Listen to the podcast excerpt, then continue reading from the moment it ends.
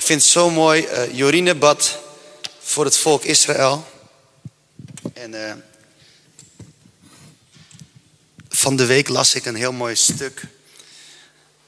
Waarin iemand uitlegde van waarom het belangrijk is om te bidden voor het volk Israël. Want als je het elke week doet, dan kan het een soort gewoonte worden. Maar het ding is dit. Um, jaren geleden hadden we op een zondag een keer een, een, een, een dominee en die zei het heel mooi. Hij, zegt, hij zei, soms zeggen mensen wel eens dat God een volk heeft uitgekozen. Maar eigenlijk is het onterecht. Hij zei, God heeft een volk gemaakt. Hij koos een man en vanuit die man maakte hij een heel volk. In Genesis 12 lezen we ook dat God riep Abraham. Een heel mooi stuk, Genesis 12, vers 1. En daar staat dat God sprak tot Abraham. Abraham was minding his own business. Abraham, de zoon van uh, Terach, als ik het goed zeg uit mijn hoofd. En, en, God riep hem en hij zei: Ga uit uw land, uit uw maagschap, ga weg. Daar waar je bent en ga naar het land dat ik je geven zal. En, en God sprak tegen hem: Ik zal hem je zoon geven en ik zal een volk maken.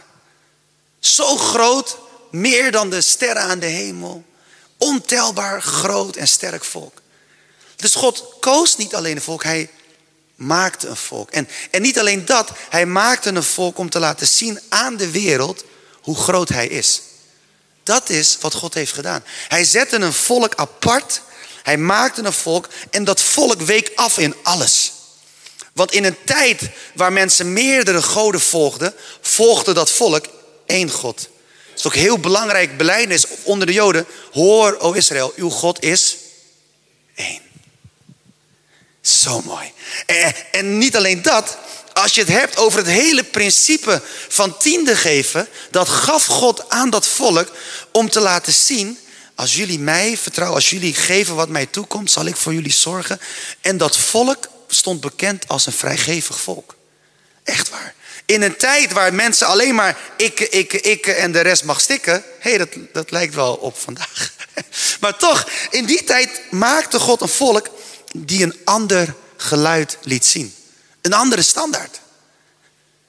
En daarom bidden we voor het volk. En het mooie is, God heeft beloftes gegeven aan het volk.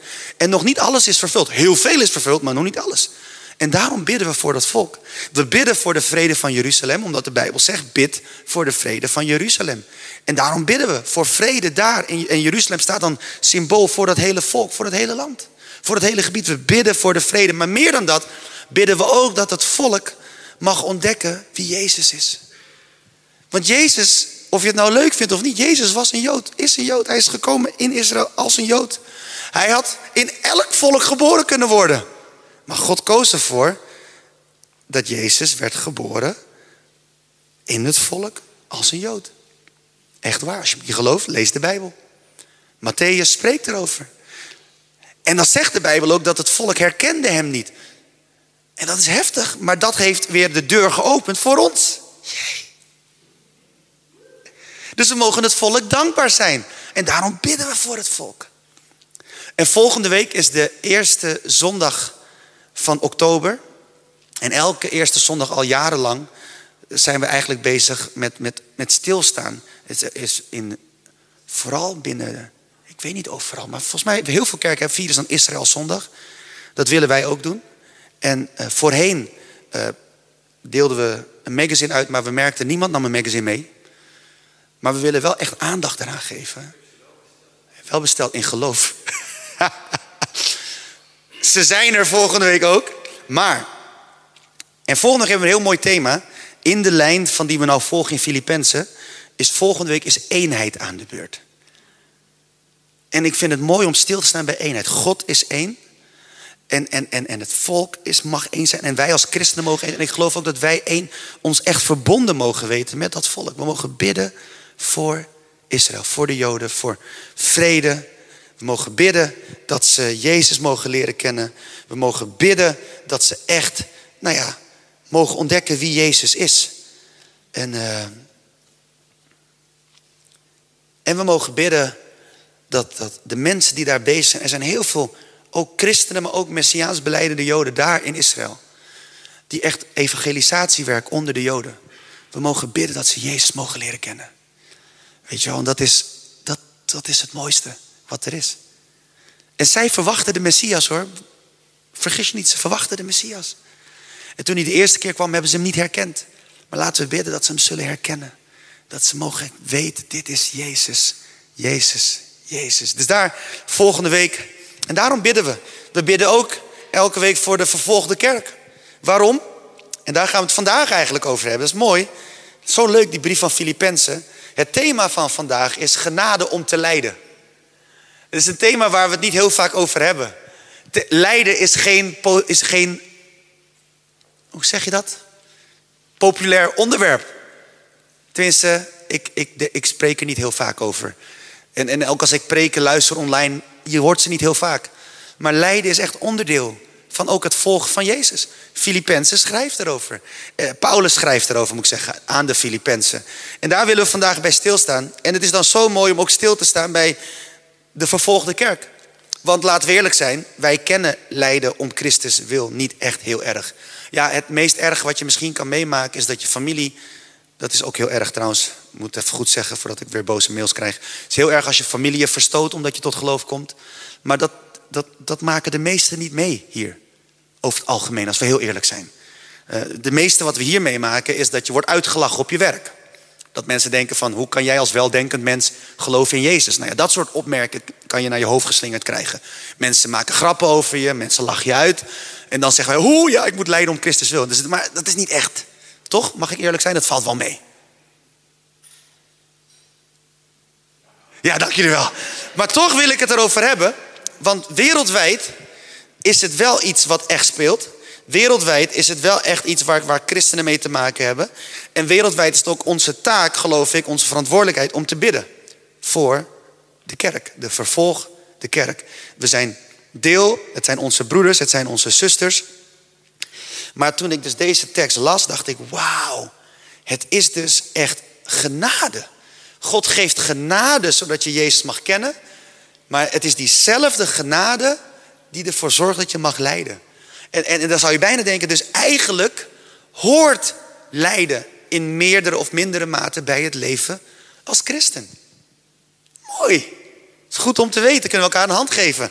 En, en voordat we dat gaan doen, wil ik even wat, wat, wat, wat, wat achtergrondinformatie geven. Ik denk, dit is de derde week dat we bezig zijn met deze reis door de brief aan de Filippenzen, de derde week.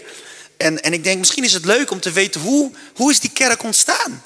En waarom deze brief? Leuk toch? Een beetje bijbelstudie. Nou, eigenlijk wilde Paulus richting het toenmalige Azië gaan. Richting het oosten. Maar ze werden, en dat staat dan in de Bijbel in Handelingen 16, kan je dat lezen, werden ze verhinderd door de geest. En Paulus, ik ben zo blij met hoe dat staat. Want er staat dan, ze wilden daar naartoe gaan. En ze werden verhinderd door de geest. En toen wilde Paulus, hij, nou dan gaan we daar naartoe. En toen werden ze weer verhinderd door de geest. En toen kreeg hij in de nacht een visioen, een droom. En dat was een man uit Macedonië. Die riep en zei, kom steek over en help ons. Waarom vind ik dit zo leuk? Ik vind het zo leuk dat Paulus ervoer dat een deur dichtging. En dat hij zelf op zoek ging naar, nou als deze dicht gaat, waar ga ik dan naartoe? Dan ga ik daar naartoe. En hij had het weer mis. Hoe blij ben ik dan als Paulus het twee keer verkeerd heeft? Dat is toch te gek? Als je in de Bijbel gewoon leest dat een man als Paulus twee keer iets van plan is en twee keer moet God hem stoppen. Dat is goed nieuws voor ons. Ik heb heel vaak dat ik iets van plan ben en dat ik dan merk dat God me moet tegenhouden omdat deuren dicht gaan. Dan denk ik, hè? Oh, dan weer bidden. Oh, dan is dit het. Nee, toch niet. Dus we moeten niet zo streng voor onszelf zijn, want zelfs Paulus had het twee keer mis. Dank jullie wel. Jullie zijn zo enthousiast. Heerlijk dit. Ik hoor alleen mijn vrouw. Oeh, oeh. Dankjewel, schat. Echt. Ik ga wat tegen jou preken. Dat komt helemaal goed. Nee, nee. Maar, maar, dus tot tweemaal toe. Maar dan krijgt hij dat visioen. En op dat moment waren ze in de havenstad Troas. Troas ligt in het huidige Turkije, dichtbij de plek Troje. Ik heb dus gelezen, dat wist ik niet, maar ik ben nog nooit in Turkije geweest. Maar het schijnt dus als je in Turkije vraagt naar de plek Troas, dan verwijzen ze je heel vaak naar Troje. Maar het is niet hetzelfde. Het enige wat nog over is van deze havenstad die ooit bloeide en echt heel belangrijk was, is zijn ruïnes. Maar dat is Troas. En Troas is aan de Egeïsche Zee. Kennen jullie een beetje topografie? Ik helemaal niet. Ik heb het moeten opzoeken. Maar dan heb je de Zee, hier zo. Heb je hier Troas, moet ik het goed zeggen? Nee, heb je hier Troas. Hier is Troas. Hier heb je de Zee. En dan heb je hier, is dan Macedonië. Dat is Noord-Griekenland. Dan weet u dat. En dus gingen ze letterlijk, staken ze over, over die Zee, richting Macedonië. En toen kwamen ze aan in Filippenzen. Ook niet in Filippenzen, in Macedonië. En gingen ze naar Filippi. Aangekomen in Filippi. Waarom Filippi? Filippi was best wel een belangrijke handelsstad. Was een, was een belangrijke stad. En wat ook wel bijzonder was aan Filippi, het was een, een stad onder het bewind van de Romeinen. Het was een Roomse stad. En daardoor voelden die mensen zich ook eigenlijk Rooms. Ze waren niet van Rome, maar ze voelden zich wel bij Rome. En er was een bepaalde status wat daar was in Filippi. En dan uh, gaat het verder. Dan gaat Paulus, dat zie je dus ook in Handelingen 16. Dan, dan gaat hij naar het water. Men weet niet precies waarom hij naar het water ging. Men denkt van, nou, misschien was er geen plek voor de Joden om te bidden. Dus dan gingen ze naar het water, omdat je daar dan water had voor de uh, dingen die ze moesten doen. De, de reinigingsrituelen die de Joden gewend waren. want dat weten we misschien ook wel, hebben we wel eens over gesproken bij, hier bij Reconnect. Als je dan naar de synagoge ging, dan waren er altijd watervatten, zeg maar. Dat, was, dat hoorde bij bepaalde rituelen die ze hadden binnen het Joodse geloof, kan ik het zo zeggen, maar wat erbij hoorde. Dus nou, hij ging naar het water, daar kwam hij Lydia tegen, dat was die handelsvrouw. En nou, daar begon een beetje de kerk te Filippi. En dan heb je dat hele bekende stuk, waar we hier best wel vaak over hebben gesproken, uit Handelingen 16, waar, waar, waar op een gegeven moment die slavin achter Paulus en Silas aanloopt. Kennen u dat stuk nog? En dat ze dan zegt, luister naar deze mensen, want dit zijn dienstknechten van de Allerhoogste God. En dat Paulus op een gegeven moment helemaal moe is, omdat die vrouw die was, was, was bezeten met een waarzeggende geest, staat dan in de Bijbel. En dat Paulus dan zegt in de naam van Jezus van Nazareth, wees vrij. Die vrouw ontvangt haar vrijheid. Die slaven-eigenaren worden boos, want die vrouw kan niet meer de toekomst voorspellen, heeft geen waarzeggende geest meer. En ze, is eigenlijk dus helemaal vrij, geestelijk vrij en dus ook in haar lichaam helemaal vrij. Zij worden boos, zeggen tegen de mensen, de magistraat van, de, van, de, van die stad. Paulus en Silas zijn onderstokers. Paulus en Silas worden zonder proces in de gevangenis gegooid. Nou, dat hele verhaal. En dan heb je in Handelingen 16, vers 25 dat Paulus en Silas bidden, baden tot God. Uh, uh, zongen Gods lof en baden tot God. De gevangenen luisterden naar hen. Plotseling was er een aardbeving. De gevangenis schudde op haar grondvesten. De deuren gingen open en alle boeien raakten los. Dan heb je het verhaal dat die gevangenbewaarder die schrikt. Die ziet opeens dat de deuren open zijn. Die denkt ze zijn allemaal ontsnapt. Hij wil zichzelf doden. En dan zegt Paulus de legendarische woorden van... Nu moet ik even nadenken. Of Lionel Richie of Adele. Als het Lionel Richie was, dan is het... Hello, is it me you're looking for? Of als het Adele was, dan is het Hello from the other side. Maar die gevangenisbewaren, die, die hoort dus Paulus dat lied zingen en denkt, ze zijn er nog. Oké, zo ging het niet helemaal. Maar hij, Paulus zei wel, hallo, zoekt u ons, we zijn er nog. We zijn er nog allemaal. Doet u zelf geen kwaad. Die avond was de gevangenisbewaarder, die was de rug van Paulus en Silas, want ze waren helemaal geslagen, ze waren gegezeld. Paulus predikt het evangelie. De gevangenisbewaarder komt tot geloof. Zijn hele huis komt tot geloof. Ze worden allemaal gedoopt. Machtig mooi. Toen begon de kerk in Filippi.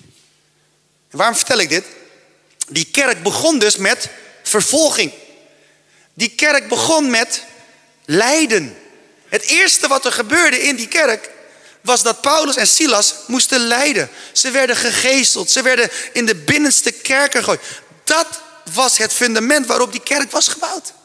Het begon met, oké, als je bij Jezus wordt, dat, dat, het kost je wat, het kost je alles. En dat is nog steeds zo. En deze brief werd tien jaar later geschreven, toen Paulus weer een keer in de gevangenis zat. Weer een keer aan het lijden was voor Christus. Tien jaar later schreef hij die brief naar deze kerk. Dus hebben jullie wat achtergrondinformatie? Nu gaan we beginnen met de preek. Filippenzen 1, vers 27 tot en met 30. En dan zegt Paulus: Hier gaat het om. Blijf leven in overeenstemming, in overeenstemming met het evangelie van Christus, zodat ik kan zien als ik bij u kom of als ik niet kom over u kan horen dat u één van geest bent en één gezin strijdt voor het geloof in het evangelie. Laat u op geen enkele manier door uw tegenstanders angst aanjagen, want als u standvastig blijft, is dat een teken van God. Voor hen dat ze ten onder gaan, voor u dat u wordt gered. Vers 29. Aan u is de genade geschonken. Niet alleen in Christus te geloven, maar ook omwille van Hem te lijden. U voert dezelfde strijd die u mij vroeger hebt zien voeren en die ik, zoals u hoort, nog steeds voer. Dat schrijft hij aan de kerk in Filippi. En wanneer ik de woorden van vers 29 lees, dan moet ik direct dus denken aan de start van de gemeente te Filippi. Vanaf de start was er al tegenstand en grote kans dat dat nooit helemaal is opgehouden. En ergens geloof ik ook dat wanneer we tot Jezus komen, wanneer Jezus ons heeft gekozen en wij zeggen ja tegen Jezus en wij willen Hem volgen, we zingen ook liederen als I have decided to follow Jesus. I have decided to follow Jesus. En dan heb je dat stuk, the cross before me, the world behind me. Of uh, andere couplet, though none go with me. En dan, hoe gaat hij verder? Gaat hij zo? Ik weet het niet, maar anyway. Het, het gaat erover, je legt alles neer voor Jezus. En ik zei net, in het Westen kennen we dat lijden niet. En dat klopt. Maar op een ander niveau kennen we dat lijden wel. Dat je jezelf compleet wil verloochenen voor Christus. Dat je jezelf, jouw wil, ondergeschikt wil maken. En ja, de vervolgde kerk doet dat ook en krijgt daarnaast nog allemaal extra lijden. En, en, en, en, en, en ik heb wel eens predikers horen zeggen, misschien wordt het tijd dat de kerk in het Westen dat ook meemaakt. Waarom? Dan kunnen we groeien. Daar kunnen we van leren. Ik heb een keer een filmpje gezien van iemand die ging naar China. Was naar China volgens mij. Om het evangelie te brengen. En hij zei, die hele kerk zat vol met voorgangers. Voorgangers die geen Bijbel hadden, want dat kon niet, maar ze kenden hele stukken uit hun hoofd. Hoe deden ze dat? Ze hadden losse bladzijden en die deelden ze met elkaar. Ze memoriseerden bladzijden. En ze kenden hele stukken uit hun hoofd. En er waren voorgangers die allemaal een huiskerkje hadden van misschien tien mensen. En die vielen allemaal, dat was allemaal één kerk. En het waren misschien duizend voorgangers. Tienduizend mensen, één kerk, maar in duizend woonkamers. Nergens konden ze zingen, nergens konden ze klappen. Het was allemaal in stilte. Maar er was zo'n diep verlangen om Jezus te volgen. En toen ik dat filmpje zag, dacht ik, ja, wauw. Hoe is het bij ons? Ik weet het niet, als ik heel eerlijk ben. Ik, ik vind het best lastig. Ik bedoel, bij ons in de kerk, en ik hou van iedereen, dit is geen aanklacht naar niemand. Ook livestream, naar niemand. Waar moet ik kijken? Naar niemand een aanklacht. Echt niet. Maar als het heel koud is, of heel hard regent, is het rustiger op zondag. En ik heb er begrip voor. Want ja, je wordt nat in de regen. Als het heel warm is en heel mooi weer is, is het ook rustiger op zondag. En ik snap het, want dan gaan we naar het strand.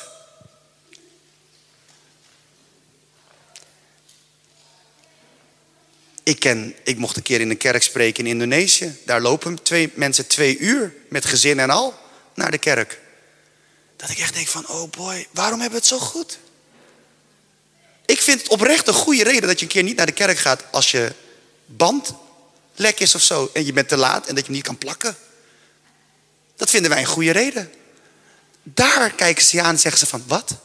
Maar kerk is community, we hebben elkaar nodig, we moeten elkaar zien. Want anders kunnen we die week misschien niet eens aan. Maar als we elkaar zien en, en, en we bemoedigen elkaar. Weet je, het is meer dan alleen maar hier zitten, maar tijdens de koffie verhalen delen. Delen van wie Jezus is, wat Jezus heeft gedaan. Dan kunnen we weer door. Maar wij zijn zo individualistisch geworden. Dat ik soms echt denk, heren, misschien is het goed. En begrijp me niet verkeerd. Ik ga God niet bidden van, Heer, help ons om te lijden. Want ik vind lijden helemaal niet leuk. Maar ergens denk ik dat het wel goed kan zijn. Want kijk naar kerken. Als je kijkt naar kerken in gebieden waar het moeilijk is, die groeien, die bloeien, die puilen uit, daar gebeurt van alles. En waar het goed is. Wij in het Westen hebben studies. Ja, de kerkgang loopt terug. En we maken ons zorgen. En we denken, ja, hoe dan? Want er eh, minder mensen, minder mensen. Maar wereldwijd groeit de kerk keihard. Waarom? Omdat niet iedereen het zo goed heeft als het Westen. Hier in het Westen zijn we echt de elite van de wereld. Of we het nou leuk vinden of niet. We zijn verwend. Ja. Leuke preek, hè? Oh, jongens. Maar goed. Ik geloof dus oprecht dat tegenstand dus ergens echt goed voor is. Paulus schrijft erover. De genade die ervoor zorgt dat je bij Jezus hoort, is dezelfde genade die ervoor zorgt dat je het lijden kan doorstaan, dat je er doorheen kan gaan. Lijden is genade. En, en wanneer ik dan denk aan wat er staat in Handelingen 2, vers 47, waar staat dat de kerk groeide in aantal en in de woorden van de message parafrase, dat mensen enthousiast waren over wat ze zagen, dan lijkt dit in schril contrast te staan met de woorden van Filippenzen 1, vers 29. Het is dan ook te makkelijk om te zeggen dat er altijd tegenstand moet zijn. Net zoals het te makkelijk is om te zeggen dat het altijd goed moet gaan en dat iedereen ons leuk moet vinden. Ik geloof dat die twee dingen hand in hand gaan. Wat, wat ik ook geloof is dat als er staat in Handelingen 2, vers 47, dat wanneer de mensen keken naar de kerk, dat ze they liked what they saw, zegt de message parafrase. Dan geloof ik dat het ook betekent dat wanneer we tot Jezus horen, dat we bij Jezus horen, dat we dus niet raar hoeven te zijn. We mogen dus normaal blijven. Je hebt wel eens van die mensen die, die komen tot geloof en die worden meteen heel raar. Mag ik dat zeggen? Maar, maar die gaan opeens anders. Die praten opeens NBG. Of, of nog, ik wou zeggen nog erger, maar zo bedoel ik het niet. Maar dat ze dan in statenvertaling gaan praten. Weet je wel? Van, uh, wil je eten? Het dunkt mij goed. Om wat voedsel te nuttigen voor mijn maag. Want dat hebben ze gelezen in de. In, in, in de weet je, nee, blijf normaal doen. Blijf ademen. Blijf leven. Je kan je leven neerleggen voor Christus en nog steeds normaal zijn.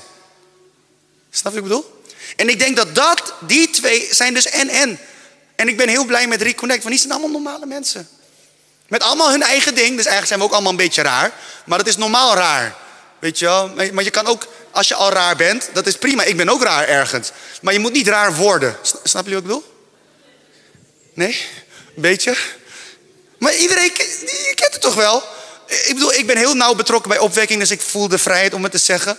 Maar als ik op opwekking rondloop, zie je altijd mensen dat ik denk van, ja, jij bent echt Christus, christen ik zie het aan alles van je. Het hele model klopt. Weet je wel? Snap je wat ik bedoel? Ja, toch? En als je hem niet gelooft, ga volgend jaar met mij mee naar opwekking. We hebben bij de jongeren hebben altijd de bingo tijdens de sing-in. Dan zitten we met alle jongerenwerkers, alle mensen van het jongerenterrein, zitten op een rijtje. En dan hebben we een bingo. En dan hebben we op een bingo kaart en dan strepen we dingen af. En een van de dingen is geitenwolle sokken in mooie sandalen. Een van de dingen is een Er is hoop t-shirt. En, en nou allemaal dat soort dingen, weet je wel. En dat is echt is leuk. Maar dat, dat, ik stop nu, anders wordt het te erg.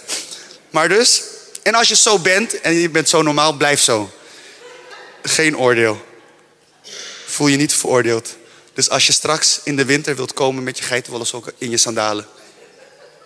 It's all good. Sharon, het mag. Doe je geitenwolle sok aan. Oké, terug naar de preek jongens. Terug naar de preek. Ja. Maar wanneer er tegenstand is, dan moeten we weten dat dezelfde genade die ons heeft gered en ervoor zorgt dat wij in Christus geloven, ervoor zorgt dat we kunnen blijven standhouden wanneer alles lijkt tegen te zitten. In Filippi gaat het over tegenstand, over vervolging. En ik denk dat wij het ook zo moeten vertalen naar onze context. En zoals ik al eerder zei, wij kennen hier geen vervolging. Hoe moeten we het dan praktisch maken voor ons? Grote kans dat er iemand is in jouw omgeving die niet begrijpt dat een weldenkend mens als jij vandaag de dag nog gelovig kan zijn. En ik zei het al, het kan zijn dat mensen in je buurt grappen maken over je. Of je zelfs provoceren met opmerkingen. Of regelmatig kleine steekjes onder water om je uit te dagen. Dat is natuurlijk lang niet zo erg als de keiharde christenvervolging die plaatsvindt in andere delen van de wereld waardoor duizenden, zo niet honderdduizenden lijden om Christus wil. Maar lijden is lijden. En het is volgens mij nooit Gods bedoeling geweest om lijden te vergelijken, te kwalificeren of te kwantificeren. Lijden is lijden en dat is vooral iets persoonlijks. En daar moeten we geen waardeoordeel aan hangen. Maar wanneer we dus lijden voor Christus, dan is het dus een geschenk van genade. Maar hoe moet ik dat zien? Dat lijden om Christus wil een geschenk is. In Romeinen 18, vers 17 kunnen we lezen dat, uh, dat wij mogen, als wij deel hebben aan Christus lijden, dat we ook deel mogen hebben aan zijn verheerlijking. Het is dus eigenlijk een geschenk van God. Hij geeft het ons dat we mogen lijden om Christus wil. Want dat maakt de eenheid die wij hebben met Christus, de verbondenheid met Hem, dieper en sterker. Daarom durf ik te stellen dat de kans heel groot is dat een ieder van ons te maken zal krijgen, in welke vorm dan ook, met lijden om Jezus' naam. Want ik geloof dat God ons allen deelgenoot wil maken van zijn verheerlijking. En de weg daar naartoe is door lijden. Of je het nou leuk vindt of niet. En het mooiste is dus, we hoeven het niet op te zoeken. Ik zei het al, we hoeven niet raar te zijn of te doen. Je mag gewoon jezelf zijn in Hem. En dan zal je hoogstwaarschijnlijk ergens along the way te maken krijgen met tegenstand. En wanneer dat gebeurt, moet je niet schrikken, maar mag je je juist verblijden. Ik weet niet van jullie, maar als ik echt tegenstand had, en dat heb ik wel eens gehad, ook vroeger wel eens dat je dan, of nou ja, tegenstand, zover wij hier in het Westen tegenstand kunnen krijgen. Maar ik had het wel eens gehad en dat ik dacht, oh heren, hoe dan? Help mij. Raak die mensen aan die zo vervelend zijn en zus en zo. En nu heb ik dus ontdekt van nee, maar dit hoort erbij. Eigenlijk gebruikt God die mensen. Het is een geschenk, het is genade, zodat ik deelgenoot mag zijn van zijn verheerlijking. En ergens geloof ik dat ook, want ik heb wel eens verhalen gehoord van gelovigen die uh, vervolgd worden. Dat ze ook zeggen van ja, maar God geeft ons kracht. Hij draagt ons. Hij is met ons. Weet je, en die mensen leven zo innig met Jezus. Dat is gewoon bij, dat, is, dat kunnen wij ons hier niet voorstellen. Die mensen, die gaan voor Jezus, die geven alles voor Jezus. Er zijn predikers in, in, in bepaalde gebieden, die hebben een abonnement op de gevangenis. Omdat ze daar iedere keer weer terechtkomen, omdat ze preken over Jezus. Ik ken iemand, die komt uit Pakistan. Er was een prijskaartje op zijn hoofd, heel lang. Want zijn vader was een hele hoge uh, generaal in het leger. Hij komt uit een familie met een ander geloof. Hij is tot geloof gekomen. Heeft Jezus leren kennen. En zijn familie heeft hem onterfd. En heeft een prijs op zijn hoofd gezet. En hij heeft moeten vluchten. En nu nog steeds, nu is hij evangelist, reist de wereld rond. Duizenden, zo niet tienduizenden, honderdduizenden, sommige campagnes met miljoenen mensen komen tot geloof. En hij heeft een abonnement op de gevangenis. En hij, hij traint voorgangers. Hij heeft echt duizenden, zo niet tienduizenden voorgangers opgeleid. En die zijn gewoon gewend. Ja, eens in de zoveel tijd ga je naar de gevangenis. Dan denk ik, ja. Maar die man zegt ook van, maar wat we hier zien, de oogst is groot en God is genade, God is erbij. En dan denk ik, oh man, ik heb me al heel vaak gevraagd. Als je een keer in Nederland bent, kom langs. Preek voor ons. Moedig ons aan. Geef ons een spreekwoordelijke trap onder onze kont. Zodat we een beetje ernst gaan maken. En echt hier in, in Haarlem ook gaan staan in wie we zijn. En Christus licht uitdragen. Met alles wat we willen doen. Toch? Want dat hebben we soms nodig, of niet? Om dat gewoon te horen. Dus hij heeft me beloofd, als ik een keer op zondag in Nederland ben, dan, dan kom ik. Maar ja, aan de andere kant zegt hij ook, zijn focus ligt hier helemaal niet, want zijn focus ligt daar. Hij zegt, ja, wij hier in het Westen, ja, weet je, mensen kunnen het allemaal horen, maar daar niet. En de dingen die hij vertelt, is ongelooflijk. Hij zegt, ja, ik weet dat je niet mensen mag omkopen, maar wij doen het standaard, want anders kunnen we niet die campagnes houden. Dus zij kopen officials om, zeg maar, met heel veel geld. En dan kunnen ze een evangelisatiecampagne houden zodat niemand wordt opgepakt en dat mensen tot geloof kunnen komen. Kunnen we ons niet voorstellen. Toch? Wij gaan al piepen als we geen ruimte krijgen ergens. Oh, we hebben strijd. Mensen vinden ons niet aardig. Echt, mis ik dan. Jullie niet, ik er wel. Maar daar denk ik van, man, maar ik wil, ik wil ervan leren. Ik wil ervan leren. En deze tekst herinnert mij eraan. Het hoort erbij. Lijden is geen straf. Het is geen verwijdering. Het is geen afstand. Maar het is juist een verdieping van jouw verbondenheid met Christus. Het is juist verdieping. En je mag op zo'n moment samen met Hem in de storm, in een storm zijn. En ontdekken wat het betekent dat Jezus de Heer is van de storm. En ja, soms spreekt Jezus en laat Hij de storm liggen.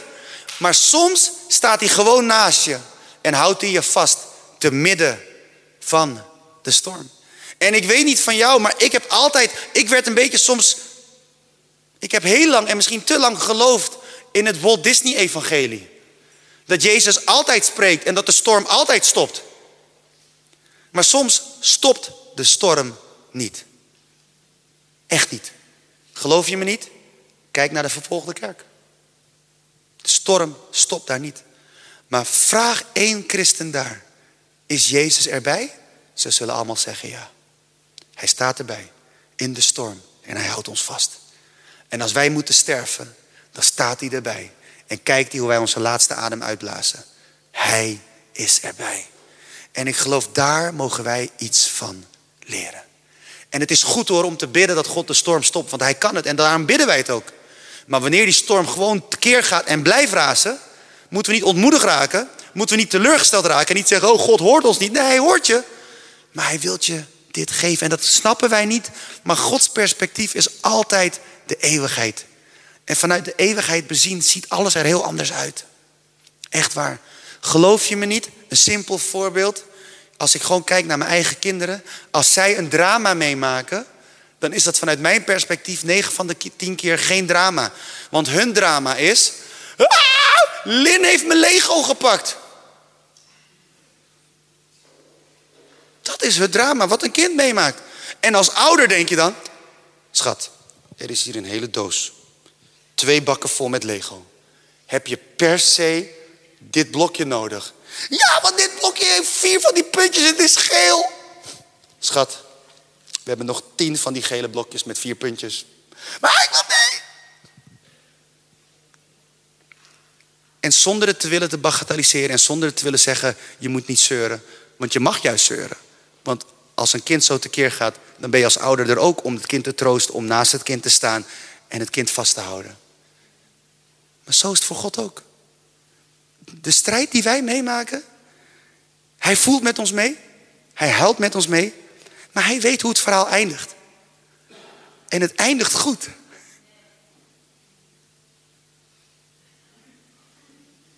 Het eindigt goed. Al het lijden hier is tijdelijk. En als je heel oud wordt, misschien 120 jaar. En als je nog ouder wordt, 140. Maar that's it. En daarna de eeuwigheid. When we all get to heaven, what a place of rejoicing it would be. Daar eindigen we. Het verhaal eindigt goed. God weet hoe het verhaal eindigt. En daarom staat hij naast ons en zegt hij, jongens, dit lijden, de verheerlijking wordt zoveel mooier. Dus, soms spreekt hij en is de storm stil. En soms houdt hij je gewoon vast in de storm. En vandaag wil ik bidden voor iedereen die zich niet begrepen voelt vanwege zijn of haar geloof. Ik wil bidden voor mensen die verwijdering ervaren binnen hun gezin of familie vanwege hun geloof. Ik wil bidden voor mensen die zich alleen voelen vanwege hun geloof. Ik wil bidden dat je Gods nabijheid krachtiger dan ooit zal ervaren. Dat je zal ervaren dat zijn vrede je beschermt. En dat zijn genade je zal dragen. En tegelijk wil ik ook nog een keer bidden voor de vervolgde kerk. Dat zij mogen ervaren dat Jezus bij ze is. En hoe gek dit ook klinkt. Wanneer we bidden voor hun, dan worden we door hun gezegend. Want als je gewoon leest, hè. Kijk, we, we hebben natuurlijk nu met 24 uur gebed verwijzen we elke maand weer naar die gebedskalender van Open Doors.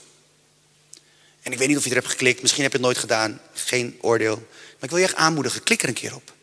Het is heel mooi. Voor elke dag is er een gebedspunt waar je voor kan bidden. En dan merk je wat er gebeurt in de wereld met die mensen die vervolgd worden om Jezus' naam. Als je gaat bidden voor mensen, voel je je verbonden met mensen. Echt waar. Gebeurt vanzelf. Hoef je niks voor te doen. Dat doet Jezus. Als je gaat bidden voor iemand, als je me niet gelooft, ga elke dag voor mij bidden. Dan ga je me leuker vinden. ga je verbonden voelen met mij. En gaat Jezus dingen op je hart leggen om te bidden voor mij. Van help Gilbert om minder een flap uit te zijn. Help hem om af en toe na te denken van die dingen. Nee, gekkigheid, maar dat mag je wel oprecht bidden voor mij. Maar gewoon dat als je voor me bidt, dan ontstaat er verbondenheid. Als je bidt voor de vervolgde kerk, voel je verbonden met die kerk. En dan niet bidden omdat je dat gewoon elke dag doet, omdat je het opdreunt, maar gewoon kijken naar, bidden voor. Zelfs wanneer je bidt voor het Joodse volk, voel je, voel je op een gegeven moment verbondenheid. Dat gaat vanzelf komen. Zoek artikelen op. Kijk gewoon Google, bidden voor Israël. Waarom? En Google weet raad. Hij geeft je allemaal artikelen. Lees het. Dan groeit verbondenheid. En wanneer verbondenheid groeit met de vervolgde kerk, dan worden ze een zegen voor ons. Waarom? Want dan gaan we hun lijden zien, we gaan het herkennen en, en we voelen ons deelgenoot. En we zullen nooit voelen wat zij voelen, maar we zullen dan als kerk, het staat in de Bijbel, als één lid leidt, leiden alle leden mee. Dan mogen we ook door God met hun meeleiden. En dan kan het zijn dat je misschien soms of vaak tranen laat voor hen. Maar dan word je deelgenoot. En dat wordt een zegen voor jou. Echt waar. Dus daar gaan we voor bidden. En dan uh, geloof ik dat we weer iets hebben mogen leren vandaag. Over het lijden. Waarom lijden? En dat is een vraag die ik heel vaak heb gehad. Heren, waarom is er lijden? Heren, waarom lijden mensen om uw naam? Je hebt twee soorten lijden. Je hebt ook lijden, gewoon echt lijden door onrechtvaardigheid, omdat wij heel hebberig zijn in het Westen. Dat is een ander soort lijden. Daar moeten we misschien ook een preek aan wijden een keer. Want als wij minder hebberig zouden zijn en meer zouden uitdelen, zou er veel minder lijden zijn. Er is zoveel geld in deze wereld, meer dan genoeg. Meer dan genoeg geld, meer dan genoeg eten om alles op te lossen. Maar omdat we zo hebberig zijn, is er heel veel nood. Dat is één vorm van lijden. Maar die andere vorm van lijden, om Jezus wil, dat is dus iets wat God geeft. En ik snap het soms niet, maar het staat er toch echt. En laten we bidden dat mensen die genade mogen ervaren. Mag ik jullie voorgaan in gebed? Vader, dank u wel dat we zo stil mogen staan bij een thema wat best ingewikkeld is. Vooral voor ons in het Westen. Lijden om Jezus' naam. Heer, help ons om te mogen ervaren dat u er altijd bent. Ook in de storm. Help ons om te zwijgen wanneer u zwijgt. Zodat we u kunnen vasthouden en kunnen vertrouwen dat u er bent. Help ons, Heer, om te ervaren, u bent erbij. En dat uw nabijheid genoeg is. Want u bent genoeg. Heer, en heel vaak als we dat zeggen, u bent genoeg, dan willen we ook dat u spreekt, dat u wonderen doet, dat u van alles doet. Maar help ons om te ervaren dat u genoeg bent. Help ons om te leren van onze broers en zussen aan de andere kant van de wereld. Ik vind andere delen van de wereld waar de vervolging zo sterk is. Waar mensen echt alles kwijtraken om Jezus' naam. Bid Heer, wilt u bij ons een diepe bewogenheid planten door uw geest. Dat we ons meer verbonden mogen weten met onze broers en zussen. En minder zullen kijken vanuit onze bevoorrechte positie. En meer naast hun zullen staan. Zodat wij ook gezegend mogen worden door hun. En dat wij hun mogen zegenen vanuit ons. We bidden voor het werk van Open Doors. We zegenen hen. En naast Open Doors zijn er zoveel schitterende bewegingen die actief zijn in, in gebieden. Heer, we bidden uw zegen, uw genade, uw bescherming te midden van het lijden. In Jezus' naam. Vader, dank u wel dat u ons ook hier wilt helpen. Onze ogen wilt openen. Onze harten wijd open wilt zetten. Zodat we echt meer van u mogen ontvangen. Meer van u mogen zien. Dat we meer afhankelijk zullen worden van u. Dat we echt ons leven willen neerleggen voor u. Om u te volgen. Dat vraag ik u in Jezus' naam. Amen. Hey Gilbert hier, bedankt dat je hebt geluisterd naar de podcast van Reconnect Community Church. Ik hoop en bid dat je er niet alleen door bent bemoedigd of geïnspireerd, maar dat deze uitzending jou ook weer meer heeft mogen wijzen naar Jezus en zijn liefde, genade en trouw voor jou en voor mij. En als jij, net als wij, ook enthousiast bent over deze podcast, dan kan je ons helpen door je te abonneren op ons kanaal en deze overdenking te delen met vrienden en bekenden. Mocht je ons ook financieel willen ondersteunen, dan kan dat via reconnect.cc/geven. Je helpt ons dan om dit te blijven doen, zodat wij mede dankzij jouw steun mensen kunnen blijven bereiken met het goede nieuws van Jezus. Bedankt voor je betrokkenheid en je support.